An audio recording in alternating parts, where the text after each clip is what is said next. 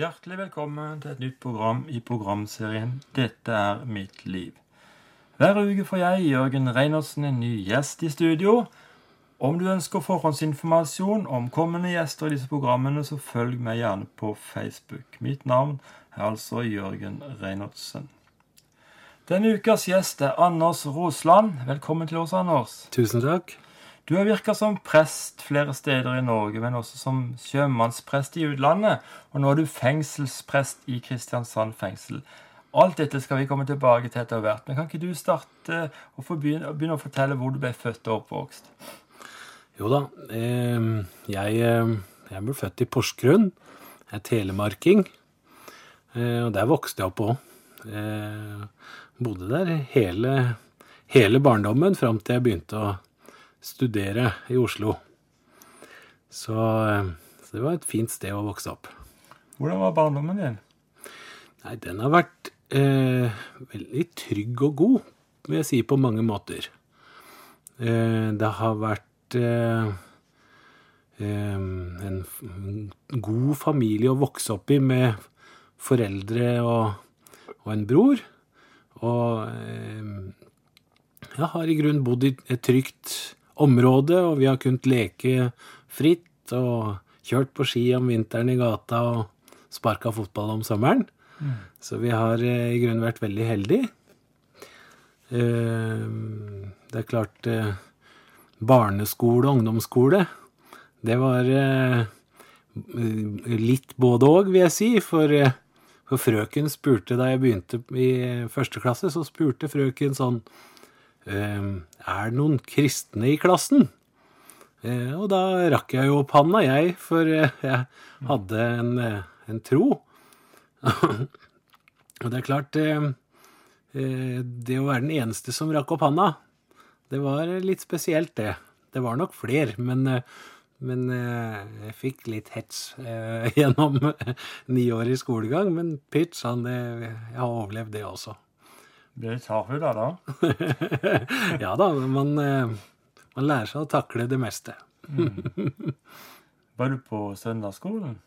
Ja, jeg gikk søndagsskolen. Vi, vi gikk i Stridsklevhallen da jeg var liten, og det er i Porsgrunn. Det var byggefelt med masse nybygging rundt 1975 hvor alle barna gikk på søndagsskolen. Så vi var oppe i Stridsklevhallen, og, og de to søndagsskolelærerne samla oss. Vi satt vel, jeg vet ikke, 50 unger eller noe sånt noe. Kanskje flere også, på hver eneste søndag, og hørte bibelhistoriene og, og sang de vanlige, gode søndagsskolesangene. Mm. Og en av de voksne spilte piano, og en hadde flanellografen om, med Jesus-historien og alt sammen. Så det var, det var en fin, fin, tid, det der, altså. Mange gode minner. Så bra. Nei, det er jo ikke så vanlig lenger at barn er på søndagsskolen. Nei, jeg, vet ikke helt Det er nok litt vekslende rundt omkring i landet vårt. Og søndagsskolen har noe veldig flott over seg, for det å lære historiene og høre om, om Jesus, det var iallfall viktig for meg da jeg var liten. Eh, og det har gitt meg en trygghet i, i, livet, og det har nok også vært med på å styrke troen min og, og, og gi meg en trygghet over at eh, selv om kanskje det blåser hardt noen dager, så, ja, så, så har jeg en tro og et håp å leve videre på. Og det er godt hvis man føler seg litt aleine, f.eks. Hva kan du gjøre for at eh, søndagsskolen blir mer aktuell? Um, det første vi må gjøre, er å Iallfall som voksne personer, det er å starte med søndagsskole. For hvis vi sitter hjemme og tenker at vi burde hatt søndagsskole, så blir det ikke noe. Så vi må nok ta oss eh, selv i nakken og, og, og gå til nærmeste kirke eller eh, bedehus og, og, finne på noe. Så kan det tenkes at vi skulle eh, starte med en aktivitet sammen med søndagsskolen som vi sjøl syns er artig. Hvis en voksen liker å, å skyte med pil og bue, ja så, ja, så kan vi starte med pil- og bueskyting på søndagsskolen. For å eh, bruke de interessene vi har sjøl. Det tror jeg er veldig viktig for eh, både du og jeg og de som hører på, er Vi har forskjellige interesser.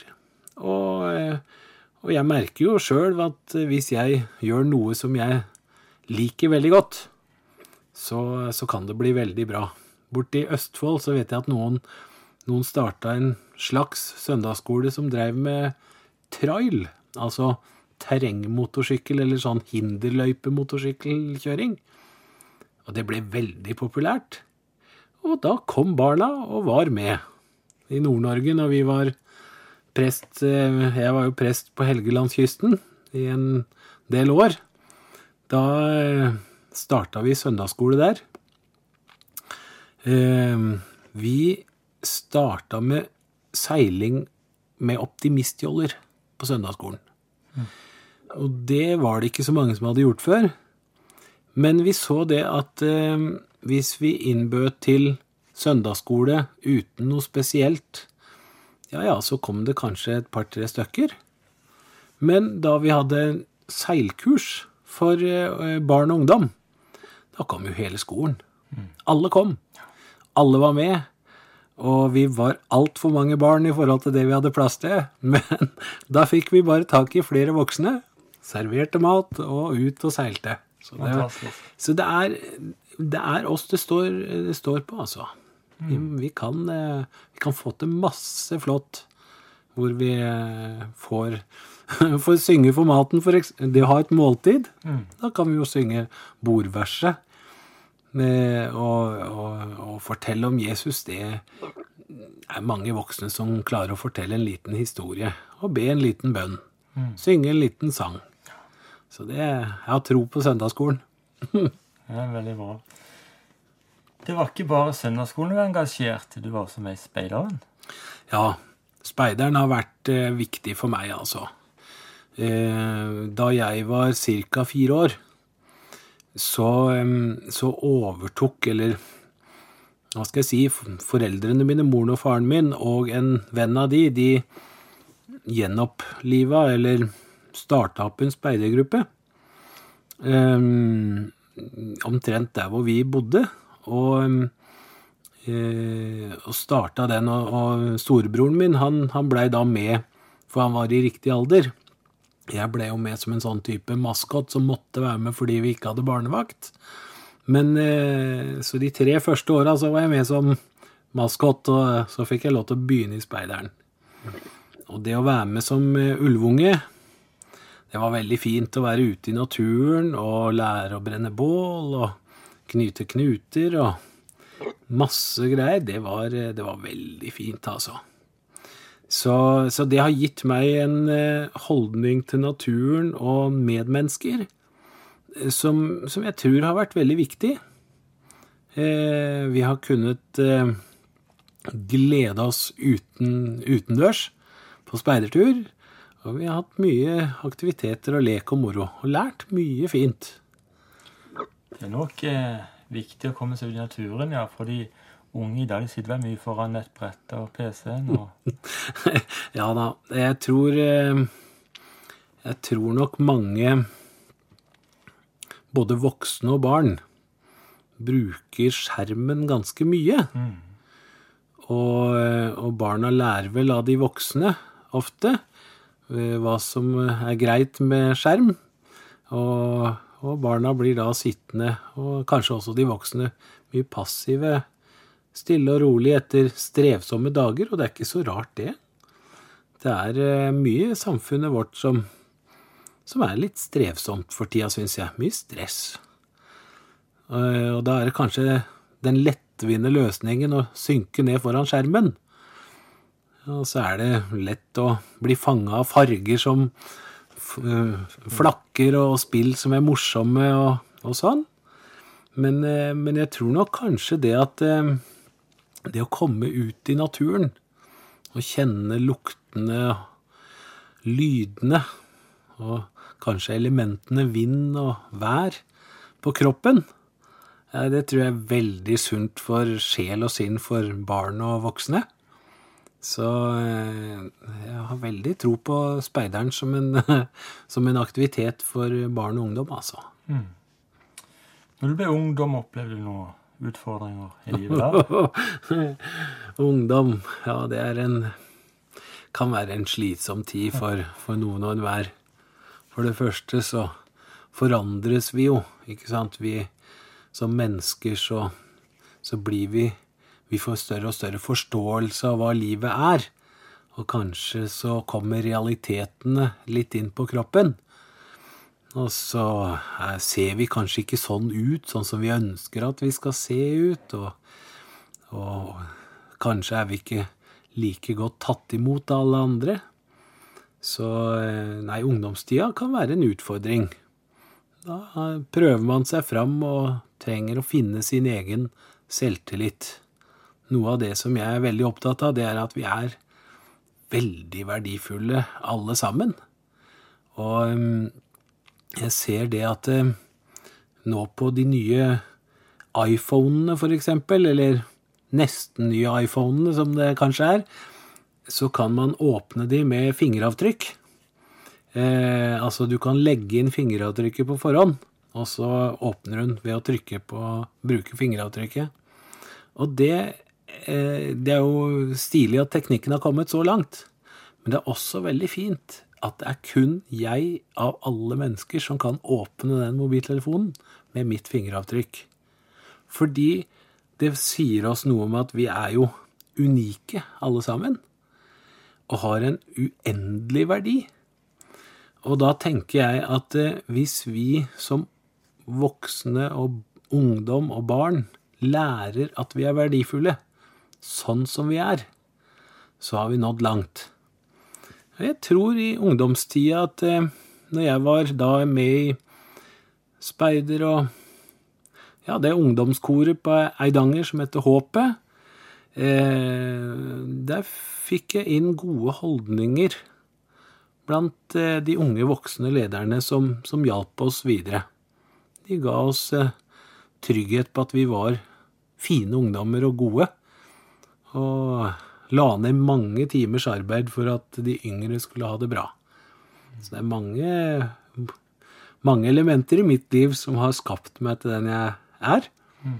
Så Nei, men ungdomstida, det, det kan være en utfordring. Ja, du var også glad i sang og musikk, og ble litt musiker sjøl òg, gjorde du ikke?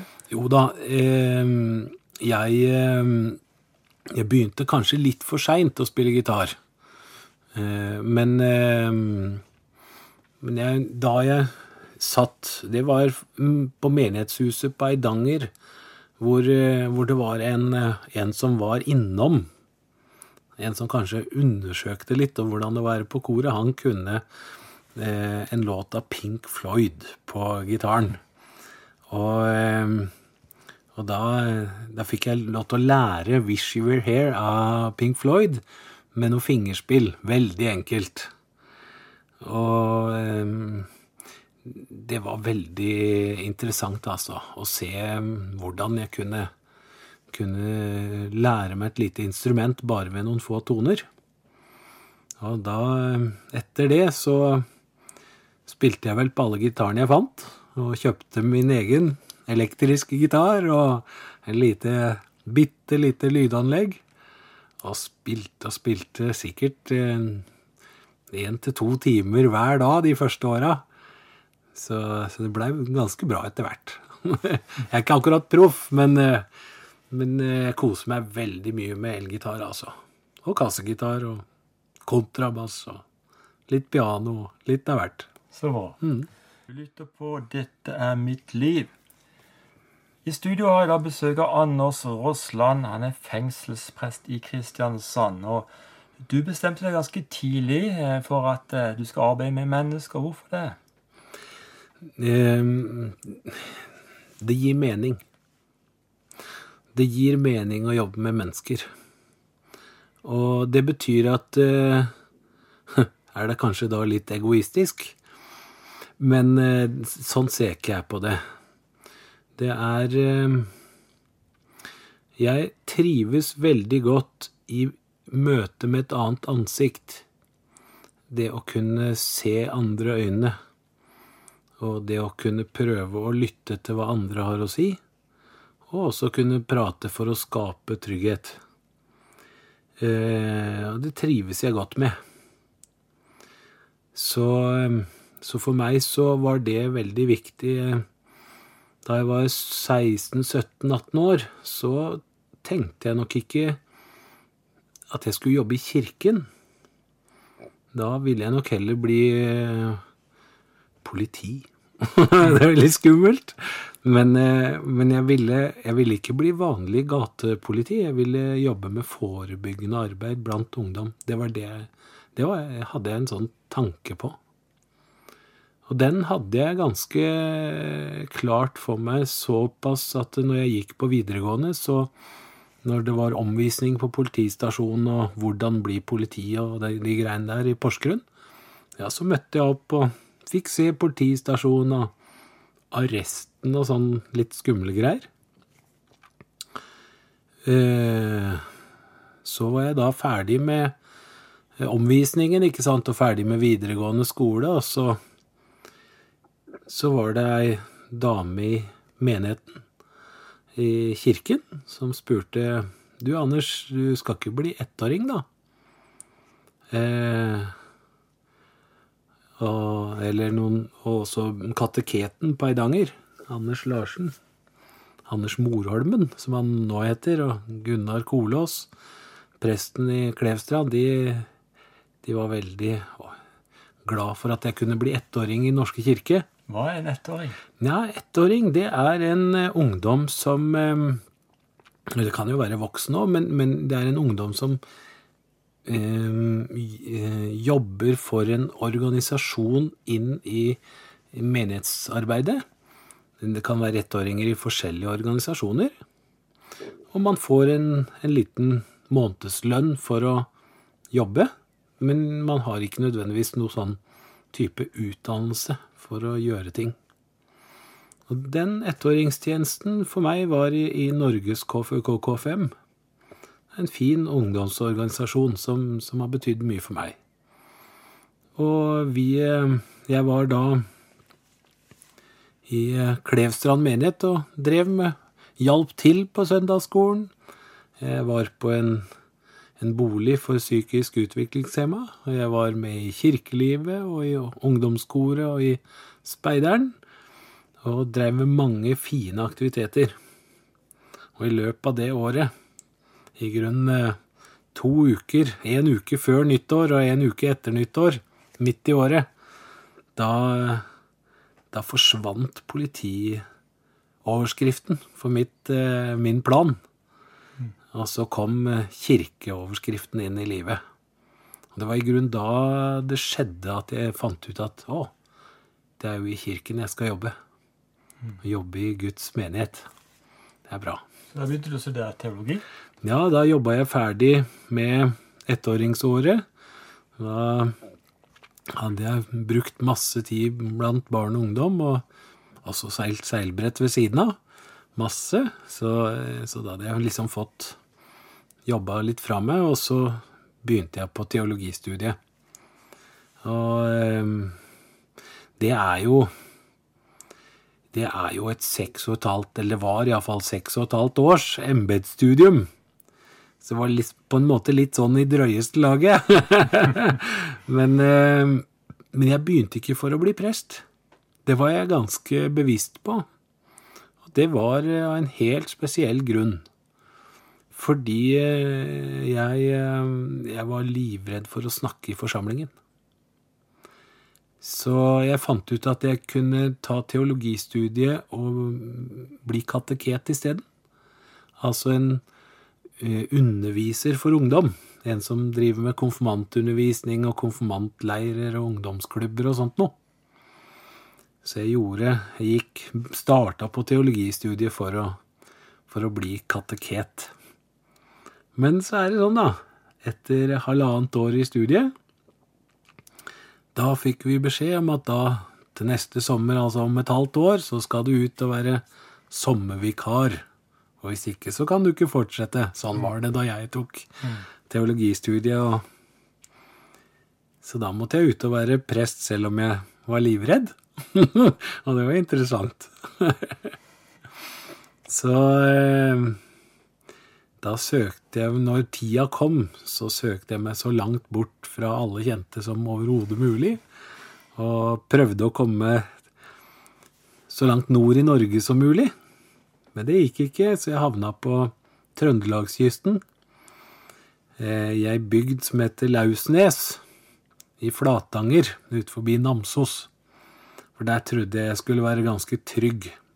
At det ikke var noe særlig folk, og at når jeg da måtte holde min første gudstjeneste, ja, så, så var det stille og rolig og ingen som hørte på.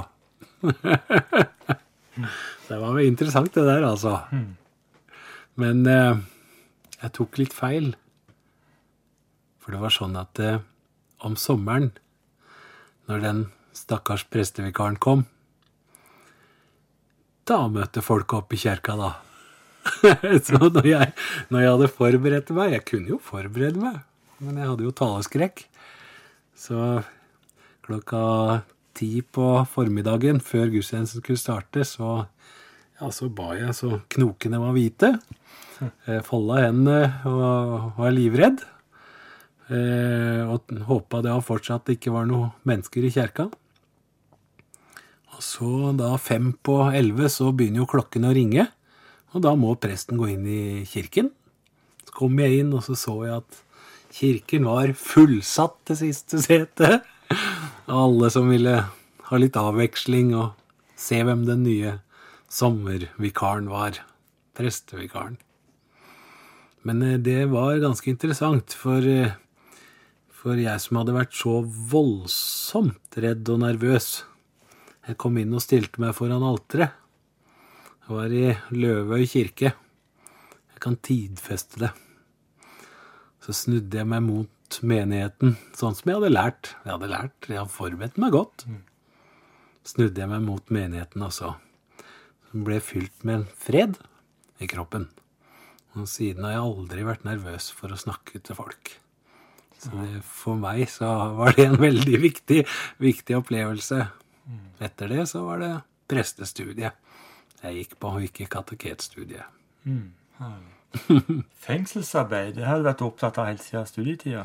Ja, jeg um, I um, 94 eller 95 94 så begynte jeg i Storsalens altså Det er vel Indremisjonen det heter da, i Oslo.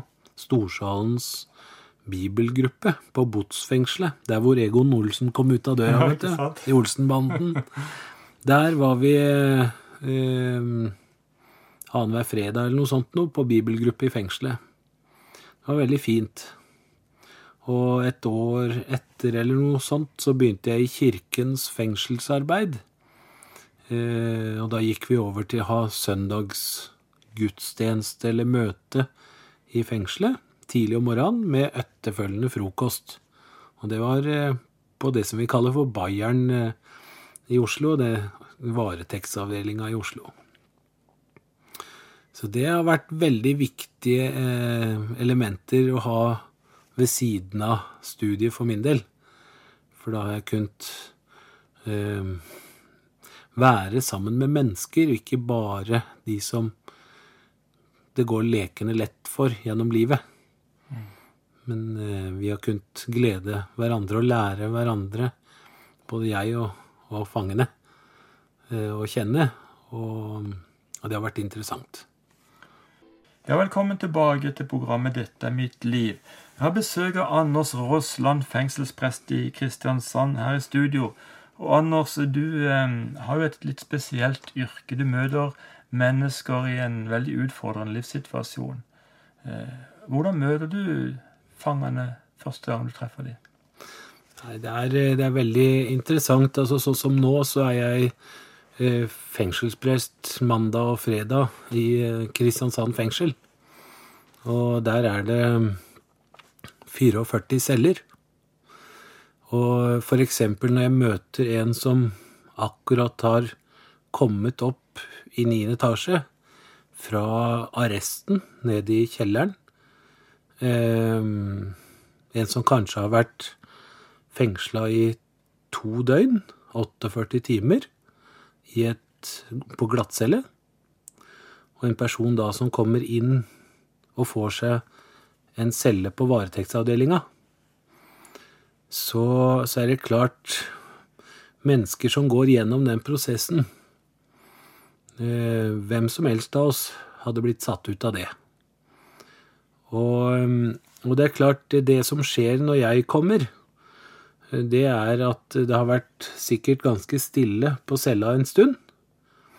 Og så kommer vokterne, eller de som jobber da i fengselet.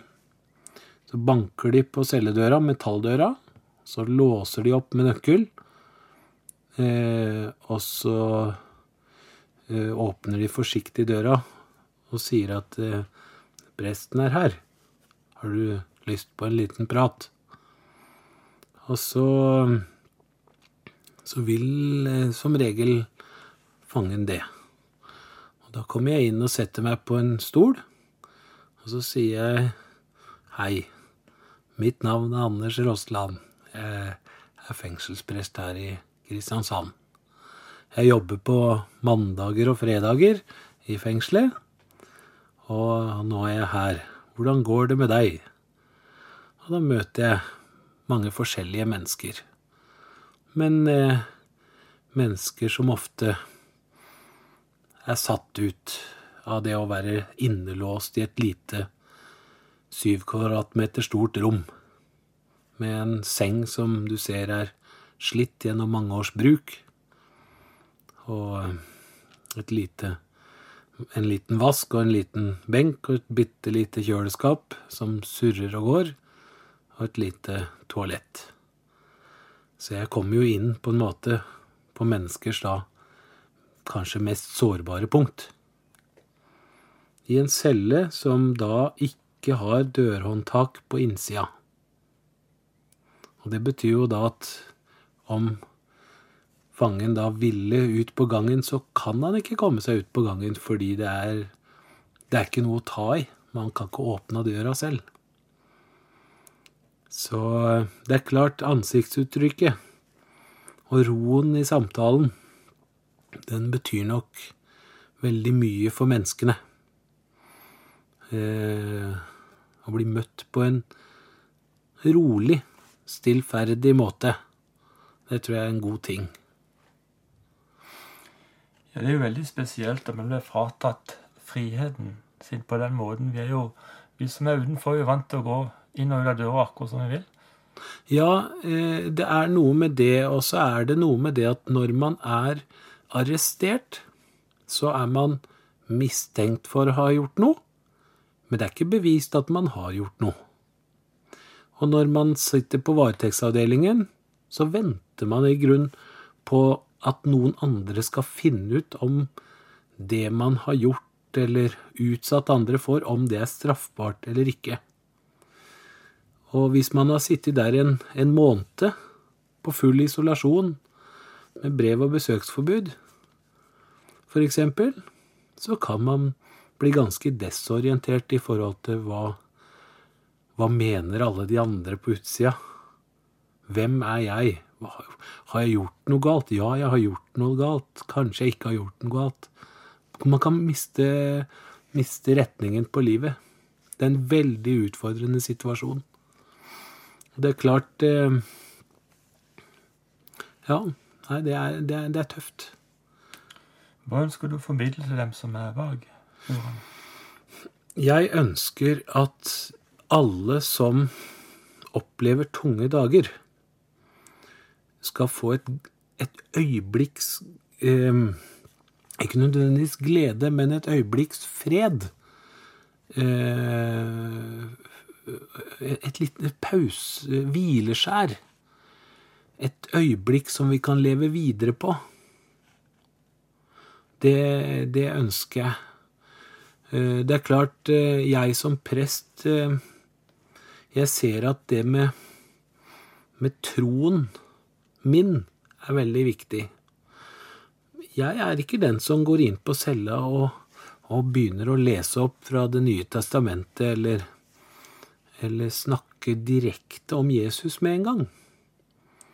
For jeg tenker at mennesker skal få roen til å, å være de de er, og, og, og, la det få lov til å komme uh, sakte og rolig. Og de som er interessert, de tar opp tråden. Men jeg ønsker at de skal få tryggheten til å være den de er, og selv om man kanskje har gjort noe som mange reagerer på, noe som loven sier er galt, så, så har alle mennesker en uendelig verdi. Eh, både den som opplever urettferdighet overfor andre, og til og med den som begår urettferdighet. Vi har en uendelig verdi. Eh, og det er, det er eh, vrient å forholde seg til. Det kan skape mange vanskelige situasjoner. Men jeg tror vi må prøve å gjøre det beste ut av det. Det er klart Etter hvert så er det viktig for meg at de som eh, Du vet, jeg er jo i fengselet på mandag og fredag. Og så er jeg på Kirkens Bymisjon tirsdag, onsdag og torsdag. Og når man slipper ut av fengselet, f.eks., så møter jeg jo igjen gutta nede i Markens eller nede på Bymisjonen. Og, og, det er klart eh, Hvis man da har hatt et godt øyeblikk sammen, og hatt et trygt, en trygg time eller mange trygge samtaler, så kan de også fortsette på utsida hvis man ikke har så mange steder å gå til. Så, så for meg så er det også så viktig å, å, la den linja få lov til å fortsette hvis noen ønsker det. Du vet eh, Nå er det jo TV-aksjon for Kirkens Bymisjon i oktober. Innsamling. Og eh, overskriften på den heter 'Mindre alene sammen'. Og det er viktig for, for meg at vi, vi, vi trenger hverandre. Mennesker, ensomme Alle mennesker trenger noen å være sammen med, noen å føle seg sett av. Og hvis jeg da har fått sett fangene litt, da, oppe i fengselet, så kan jeg kanskje være med på å få noe. Jeg får jo også masse i møte med, med menneskene i, i, fengselet. Det er ikke bare sånn at jeg gir. Jeg får jo også Det er jo ressursmennesker det er snakk om. Så hvis jeg får gleden av å møte folk igjen i Markens eller på Bymisjonen eller andre steder, det er, det er veldig fint. Mm. Men at mennesker er verdifulle, det er viktig for meg. Alle sammen Det er et viktig perspektiv. Mm. Er klart. Jeg tenker foran eh, radioapparatene rundt i bilene rundt omkring i, i, Norge nå, så sitter det kanskje mennesker som har det tøft, har det vanskelig. Har du noe til de? Du er verdifull. Det er en veldig viktig ting. Selv om livet virker utholdelig, selv om det er tungt, så må du ikke glemme at du er verdifull. Det er mange som, som har vært der nede. Og enkelte dager så er vi der alle sammen. Kanskje for et, bare et lite sekund. Men vi må huske at vi er verdifulle, alle sammen. Vi er Guds barn. Mm. Herlig. Hva tenker du, Blir du værende i Kristiansand fremover? Ja, det er det som er tanken. Eh, jeg trives veldig godt i fengselsarbeid. Jeg trives godt i arbeid blant mennesker, i Bymisjon og, og i den jobben. Og jeg tror det er godt for familien min at, de, at vi, er, vi er stabile. Ja, for du er jo gift med en prest, er du ikke så? Jo da, det er helt riktig. Jeg er gift med Kristine. Hun er også prest. Hun jobber riktignok på Universitetet i Agder, men hun er også presteutdanna. Mm. Så, eh, så vi, er, vi, har satt oss litt her nå. Så det blir, men det blir spennende å se. Hvor gamle er barna? Ja, de er eh, åtte og snart 13 og snart 15. Det er travelt da. Ja, det er full fres med lekse, lekselesning og alt det stresset der. Full fres. Men det er herlig å høre at dere tjener i Guds rike. Det er herlig å møte sånne mennesker som du, som har omsorg for den enkelte. Det trengs virkelig i dagens samfunn. Hjertelig takk, Anders Rosland, for at du kom i vårt studio i dag. Må Gud velsigne deg, din familie og din tjeneste i tida fremover. Takk for det. Det er Jarle Fjelstad som har vært dagens tekniker. Mitt navn er Jørgen Reinholdsen. Neste uke er vi tilbake på samme tid og på samme kanal. Gud velsigne deg, kjære lytter.